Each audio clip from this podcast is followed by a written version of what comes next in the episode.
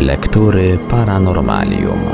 Dziś w lekturach Paranormalium sięgniemy po jedną z książek Lucjana Znicza z cyklu Goście z kosmosu, a mianowicie Katastrofa tunguska, Trójkąt Bermudzki, Obce ślady. Tytuł książki mówi właściwie wszystko. Przedstawione w przystępny dla czytelnika sposób informacje na temat słynnej katastrofy tunguskiej, osławionego obszaru na Atlantyku zwanego Trójkątem Bermudzkim oraz różnych mających miejsce na Ziemi anomaliów. Książkę tę na naszej antenie prezentujemy w odcinkach w całości.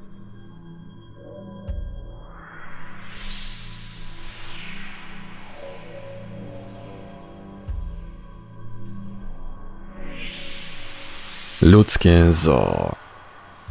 Odpowiedzi na to pytanie podjęła się właśnie cała grupa hipotez usiłujących wyjaśnić tragedię w Trójkącie Bermudzkim interwencją gości z kosmosu, docierających do nas za pomocą nieznanych obiektów latających. Nad Trójkątem Bermudzkim na wysokości kilkuset mil wisi statek Matka, który bez przerwy obserwuje, co się na powierzchni Ziemi dzieje. Wysuwa przypuszczenie wspomniany już fizyk z NASA, dr J. Wright. Gdy rozpoczyna się lot na Księżyc lub coś innego interesującego kosmitów, wysyła on małe UFO na dół.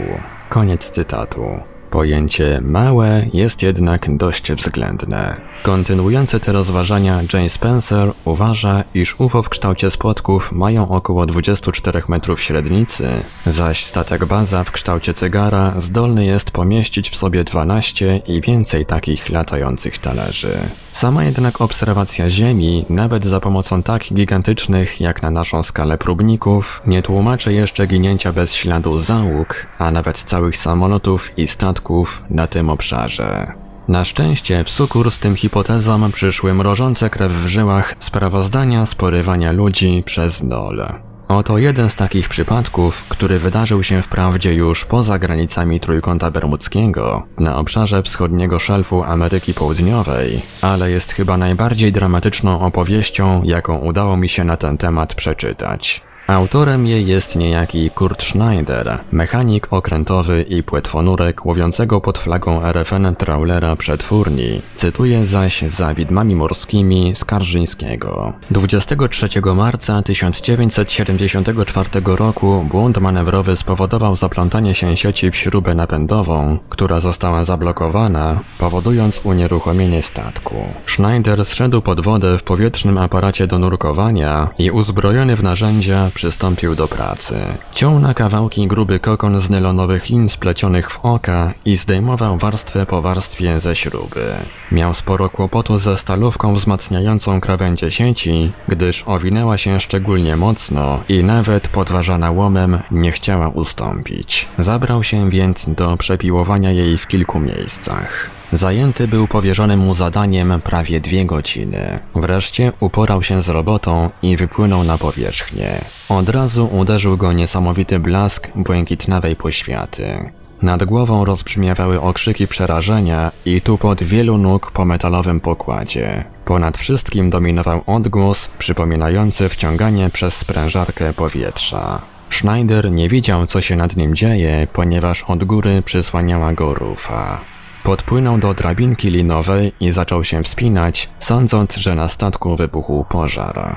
Uniósł głowę i teraz dopiero zobaczył wiszący w powietrzu obiekt z połyskliwego metalu. Ogarnięty nagłym przerażeniem, cofnął się i zanurzył w wodzie. Nurkował w akwalungu typu Biskaja, zachodnio-niemieckiej firmy Dreger.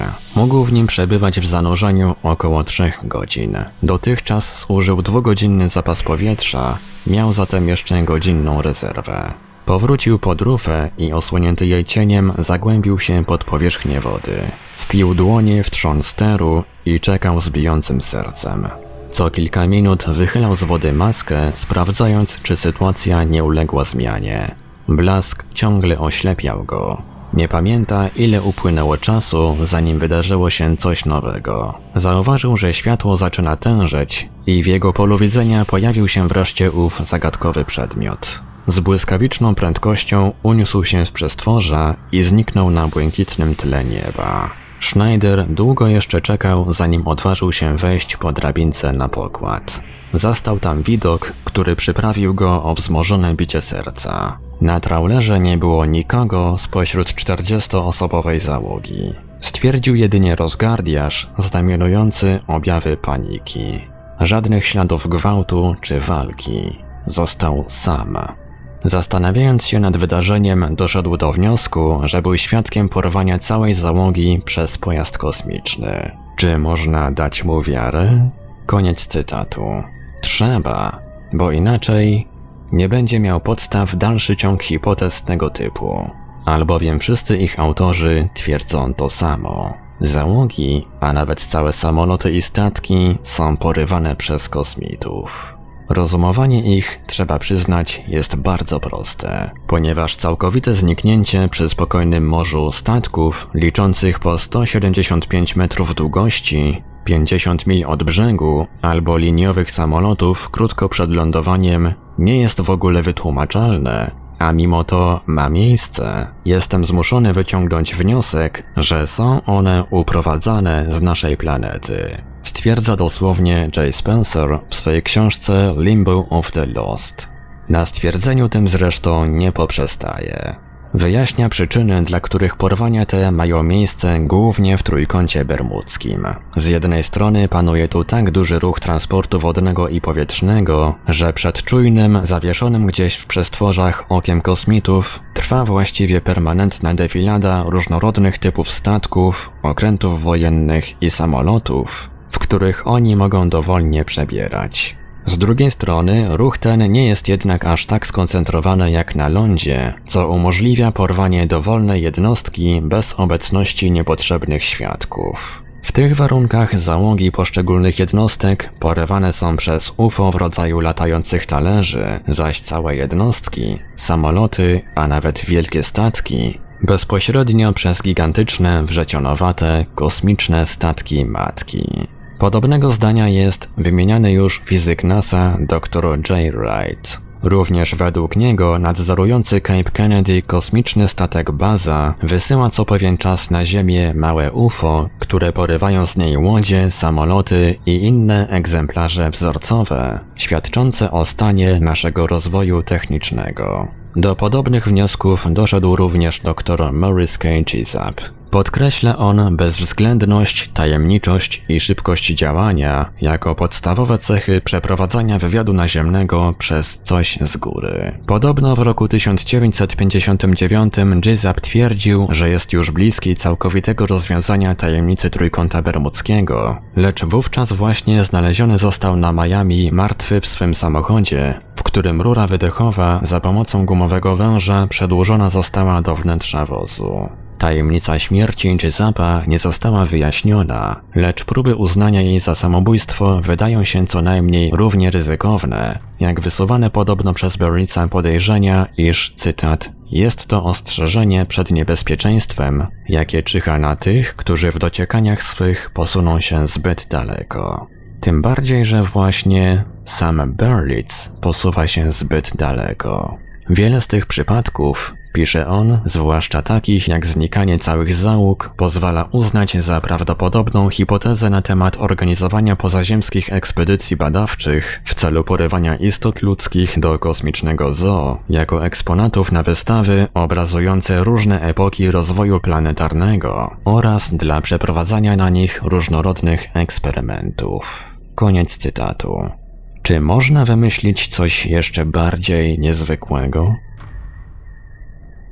Wizję medium jako dowód naukowy. Okazuje się, że jednak można. Wspomniałem o tym zresztą w jednym z pierwszych rozdziałów poprzedniego tomu pod tytułem Pomost kosmiczny czy podwodny klosz. To nie ingerencja z góry wywołuje katastrofę w rejonie Trójkąta Bermudzkiego, tylko ingerencja z dołu. Oczywiście do wszystkich, najbardziej nawet ekstrawaganckich na pozór hipotez powinniśmy podchodzić z jednakową powagą. Postępy wiedzy wielekroć już udowodniły prawdę proroczych słów Szekspira, że na niebie i ziemi dzieje się wiele rzeczy, o których nie śniło się nawet filozofom. Często najbardziej nawet błahe przesłanki naukowe prowadzą do rewelacyjnych wręcz odkryć i wynalazków. Tym razem jednak hipotezy tego typu nie mają nic wspólnego z nauką. Wszystkie wywodzą się z przepowiedni słynnego amerykańskiego medium Edgara Case'a. Nie przeczę, że ten tak zwany śpiący prorok był chyba najsłynniejszym medium w Ameryce. Zmarł w Virginii w roku 1945. Jego tak zwane readings, dosłownie tłumaczenia, wyjaśnianie zagadek, czyli przepowiednie wypowiadane w głębokim transie, w wielu wypadkach do dziś uważane są za rewelacyjne w dziedzinie parapsychologii. Czy można jednak tylko i wyłącznie na podstawie takich wygłoszonych w transie przepowiedni jednego człowieka wysnuć jakąkolwiek hipotezę, która ma ambicje uważać się za naukową? A jednak wielu badaczy tajemnic Trójkąta Bermudzkiego czyni to bez żenady. Jedyną chyba przyczyną tego jest zwartość i logiczność całej koncepcji. Otóż, według Case'a, na terenie zachodniej części dzisiejszego Trójkąta Bermudzkiego istniał niegdyś ląd zamieszkany przez ludność o bardzo wysokim rozwoju techniki. Zbudowane tam zostały m.in. olbrzymie generatory energii oparte na kryształach. Sugeruje to, że musiały to być jakieś masery lub lasery, które dostarczały energii nie tylko do oświetlenia, ogrzewania czy pracy różnych urządzeń, ale za pomocą przesyłu bezprzewodowego, a więc znów jak współczesne lasery czy fale radiowe, nawet do napędu pojazdów podwodnych, naziemnych i powietrznych. W wyniku naruszenia równowagi doszło wszakże pewnego razu do wyzwolenia się olbrzymiej ilości niekontrolowanej energii, w wyniku czego cała kultura uległa zagładzie, a ląd zapadł się głęboko pod wodę. Do tego miejsca, jak widzimy, readings Case'a nie wnoszą nic rewelacyjnego, i są tylko jeszcze jedną transpozycją od wieków już znanej legendy o Atlantycie. Według zwolenników tej hipotezy Case idzie jednak dalej. Jako miejsce, gdzie Atlantyda mogła zatonąć, podaje okolice wyspy Bimini, gdzie istotnie wiele lat po śmierci Case'a odkryto na dnie morza zagadkowe mury, oraz pobliską głębinę Tongue of Ocean, gdzie znów w ostatnich latach zarejestrowano największą liczbę zagadkowych zjawisk. Dawać może do myślenia także rzekome odkrycie przez Berlica i Valentina gdzieś na terenie Trójkąta Bermudzkiego, zanurzonej głęboko pod wodą olbrzymiej kamiennej piramidy. Case ponadto w swoich readings stwierdził, że wprawdzie życie na Atlantycie zostało zniszczone, lecz niektóre z urządzeń technicznych tamtej cywilizacji pozostały nie tylko nieuszkodzone, ale nawet, mimo upływu tysiącleci, wciąż jeszcze od czasu do czasu automatycznie się włączają i przez pewien czas działają. W szczególności opisał on, według jednych źródeł w 1933 roku, według innych zaś w 1935, jakąś zatopioną w morzu budowlę, wyłożoną od wnętrza materiałem przypominającym azbest i zawierającą w sobie zespół kryształów emitujących energię. Budowla ta, według proroka, jest przykryta ruchomą kopułą, poprzez którą wysyłane są co pewien czas silne promienie energii, wywołujące nie tylko zakłócenia na powierzchni oceanu, ale sięgające aż w kosmos. Z działalnością tych promieni Charles Berlitz kojarzy zresztą także okresowe pojawianie się na tych terenach słynnych białych wód, które widzieli wprawdzie amerykańscy astronauci, ale których nie widział na pewno Krzysztof Kolumb. Patrzę rozdział Jak rodzą się legendy. Nie ma się chyba co w tej sytuacji upierać przy próbach uznania zagrożenia z dna za koncepcję zachowującą bodaj pozory hipotezy naukowej. Ale czy w świetle tych faktów nie należy tak szczegółowo i logicznie wiążących się ze sobą readings potraktować równie ostrożnie, żeby nie powiedzieć poważnie, jak to się robi w Stanach Zjednoczonych z innymi jego, częściowo rzeczywiście się spełniającymi przepowiedniami? Niestety, nawet taka koncepcja nie bardzo mi odpowiada. Oryginalne przepowiednie Case'a są bowiem zagmatwane, wieloznaczne i doprawdy tylko z wielkim trudem interpretatorów znaleźć można w nich analogię do współczesnych osiągnięć techniki. Oto tylko jedna charakterystyczna próbka dotycząca tajemniczej budowli na dnie morza pod Trójkątem Bermudzkim owych słynnych readings Case'a. Centrum budowli jest otoczone nieprzewodzącą skałą z materiału podobnego do azbestu oraz z innych nieprzewodzących materiałów, które są obecnie produkowane w Anglii pod pewną bardzo znaną nazwą.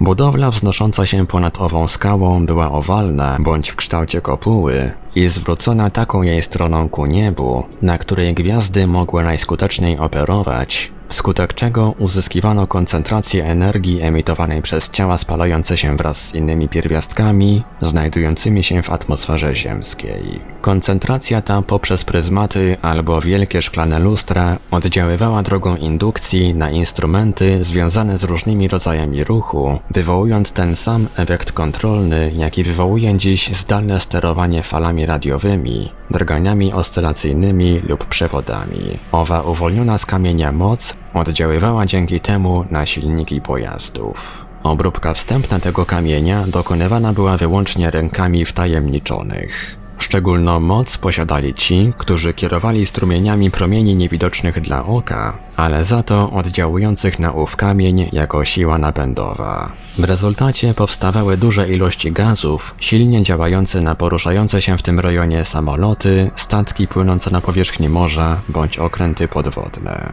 Wszystkie one były napędzane przez skoncentrowane promienie emitowane z kamieni znajdujących się w środku siłowni. Koniec cytatu. Doprawdy, interpretatorzy Case'a, jak z tego widać, wykazać musieli dużo pomysłowości i jeszcze więcej dobrej woli, by z tego technicznego bełkotu stworzyć w miarę zwartą koncepcję pozostawionych przez legendarnych Atlantydów i samoczynnie pracujących wciąż pod wodą, nieznanych dziś generatorów energii, które zamiast napędzać nasze dzisiejsze samoloty i okręty, niszczą je tak, że nie pozostaje po nich ślad. Tę bardzo problematyczną koncepcję jakiejś cywilizacji podwodnej próbował jeszcze uratować w inny sposób Ivan Sanderson. Wychodząc z założenia, że kolebka ludzkości sięga przecież głębin oceanów, wysunął on możliwość pozostania w tychże głębinach nieznanych nam dziś gatunków stworzeń, które w toku ewolucji osiągnęły rozwój cywilizacyjny wyższy od ludzkości. I teraz co pewien czas wyglądają ponad powierzchnię morza, by się przekonać, jak daleko w konkurencji z nimi posunęła się ludzka cywilizacja. Nie trzeba być specjalistą biologiem, by stwierdzić, jak hipoteza ta jest nierealna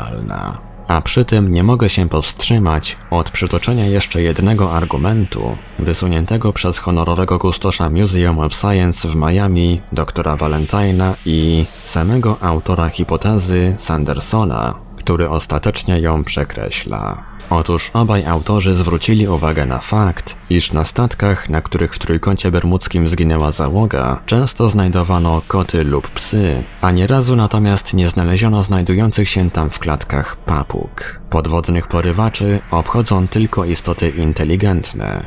Wyciągają z tego inteligentny wniosek obaj badacze. Ponieważ papugi mówią, dlatego zostają porwane wraz z ludźmi. Doprawdy, przy takim rozumowaniu człowiek nie wie, czy zanosić się od płaczu, czy tarzać się ze śmiechu. Albo inteligencja owej mistycznej, podwodnej cywilizacji osiąga zaledwie poziom debilów, albo za takichże debilów, niemożliwych do rozróżnienia od papug, uznają wszystkich ludzi autorzy hipotezy. Proszę bardzo, wybieramy co kto woli. Trójkąt Bermudzki, a Albert Einstein. I wreszcie ostatni pęczek najbardziej już chyba niesamowitych hipotez dotyczących tak zwanego innego wymiaru. Inny wymiar? Co to takiego? Dziś nawet Einstein byłby chyba zdziwiony, gdyby się dowiedział, co się określa tym terminem. A przecież właśnie nie kto inny, tylko on przyczynił się do powstania tego pojęcia. Na samą myśl o teorii względności Einsteina przeciętnemu człowiekowi włosy się jeżą ze strachu. Minęło już przeszło 70 lat od opublikowania szczególnej teorii względności, a poza specjalistami wciąż niewiele chyba osób cokolwiek z niej rozumie. W poszukiwaniu możliwie przystępnego wyjaśnienia niektórych jej pojęć w zakresie potrzebnym do kontynuowania głównego wątku tej pracy, zawędrowałem aż do wydanej w 1923 roku książki inżyniera mechanika i elektryka Stefana Bermana pod tytułem Wstęp do teorii względności Einsteina, w przedmowie do której autor odważnie zapewnia, iż, cytat, praca niniejsza ma na celu zapełnienie tej luki nieznajomości teorii Einsteina, przypomina autor, dając pewne pojęcie o teorii względności bez wzorów matematycznych. Niektórzy teoretycy mniemają, że wysiłki te są beznadziejne, jak beznadziejne byłoby usiłowanie opowiedzenia sonaty Szymanowskiego lub wyjaśnienie przy pomocy ilustracji filozofii Kanta. Czy mają słuszność?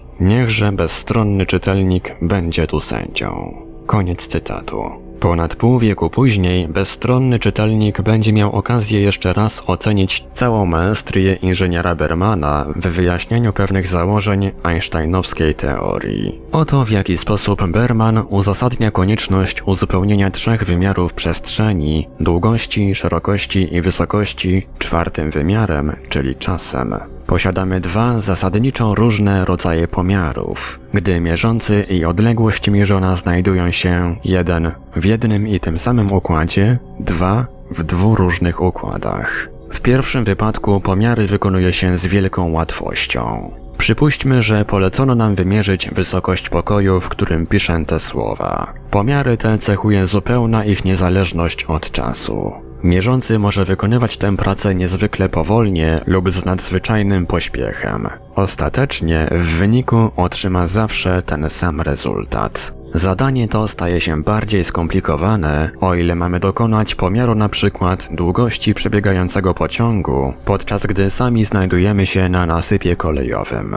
Przyłożyć naszej miary metrowej w tym wypadku nie możemy, ponieważ pociąg z podmiarki stale będzie uciekał. Należy ustawić wzdłuż nasypu cały szereg mierniczych, wyposażonych w niezwykle dokładne zegary.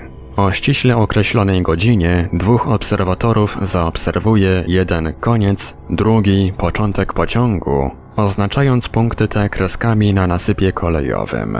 Jasno z powyższego widzimy, że czas w tego rodzaju pomiarach odgrywa dominującą rolę. Koniec cytatu. W taki oto, przyznajmy, rzeczywiście niezmiernie przystępny sposób Berman wyjaśnia istnienie tzw. Tak przestrzeni Minkowskiego, czyli czterowymiarowej rozciągłości powstałej w wyniku zespolenia czasu i przestrzeni, a stosowanej do opisu zjawisk fizycznych w szczególnej teorii względności. A teraz jeszcze jeden opis Bermana, tym razem przybliżający nam pojęcie tak zagadkowej dla nas geometrii nieeuklidesowej. Wyobraźmy sobie, że Ziemia nasza jest doskonałą kulą.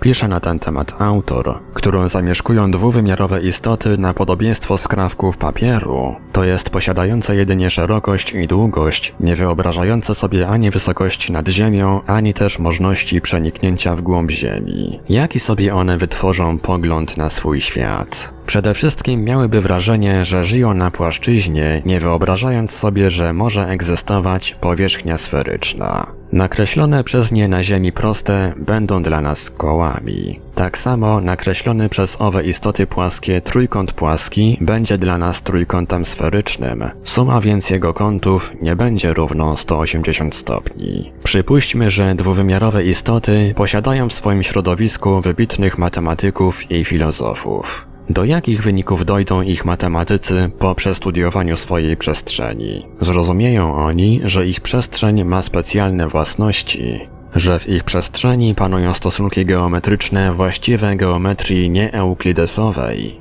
ich genialni matematycy nabiorą przekonania, że ich przestrzeń ma stały promień krzywizny, nie będą mogli sobie jednak jej wyobrazić, nie posiadając świadomości trzeciego wymiaru. W tej sprawie w zupełności przypominamy dwuwymiarowych przyjaciół.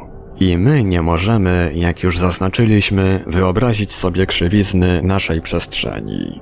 Koniec cytatu.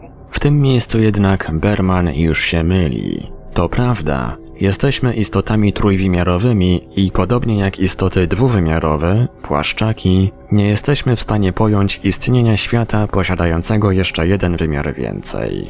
Ale wyobrazić sobie, ho ho, wystarczyło tylko, aby pojęcia zarówno czwartego wymiaru, jak i płaszczaków opuściły ścisłe regiony matematyków i fizyków, a zaczęły natychmiast żyć własnym, fantastycznym życiem, Głównie zresztą chyba za sprawą uroczej pracy znanego belgijskiego pisarza Metterlinka Życie przestrzeni, właśnie dzięki ludzkiej wyobraźni. Bo oto powróćmy jeszcze raz do spekulatywnego świata płaszczaków. Wszystkie stosunki w ich życiu ograniczać się muszą z powodu istnienia tylko dwóch wymiarów, wyłącznie do stykania się brzegiem konturów. Wzajemne nakładanie się dwóch nawet identycznych figur na siebie jest już niemożliwe, gdyż przynajmniej jedna z nich musiałaby się przenieść poprzez wymiar trzeci, w górę albo w dół, by z momentem nałożenia znaleźć się znów w świecie dwuwymiarowym.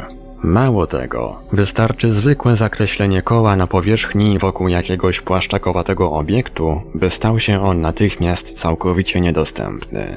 Przecież żaden z płaszczaków nie jest zdolny przekroczyć żadnej linii, ale tylko w ich przekonaniu.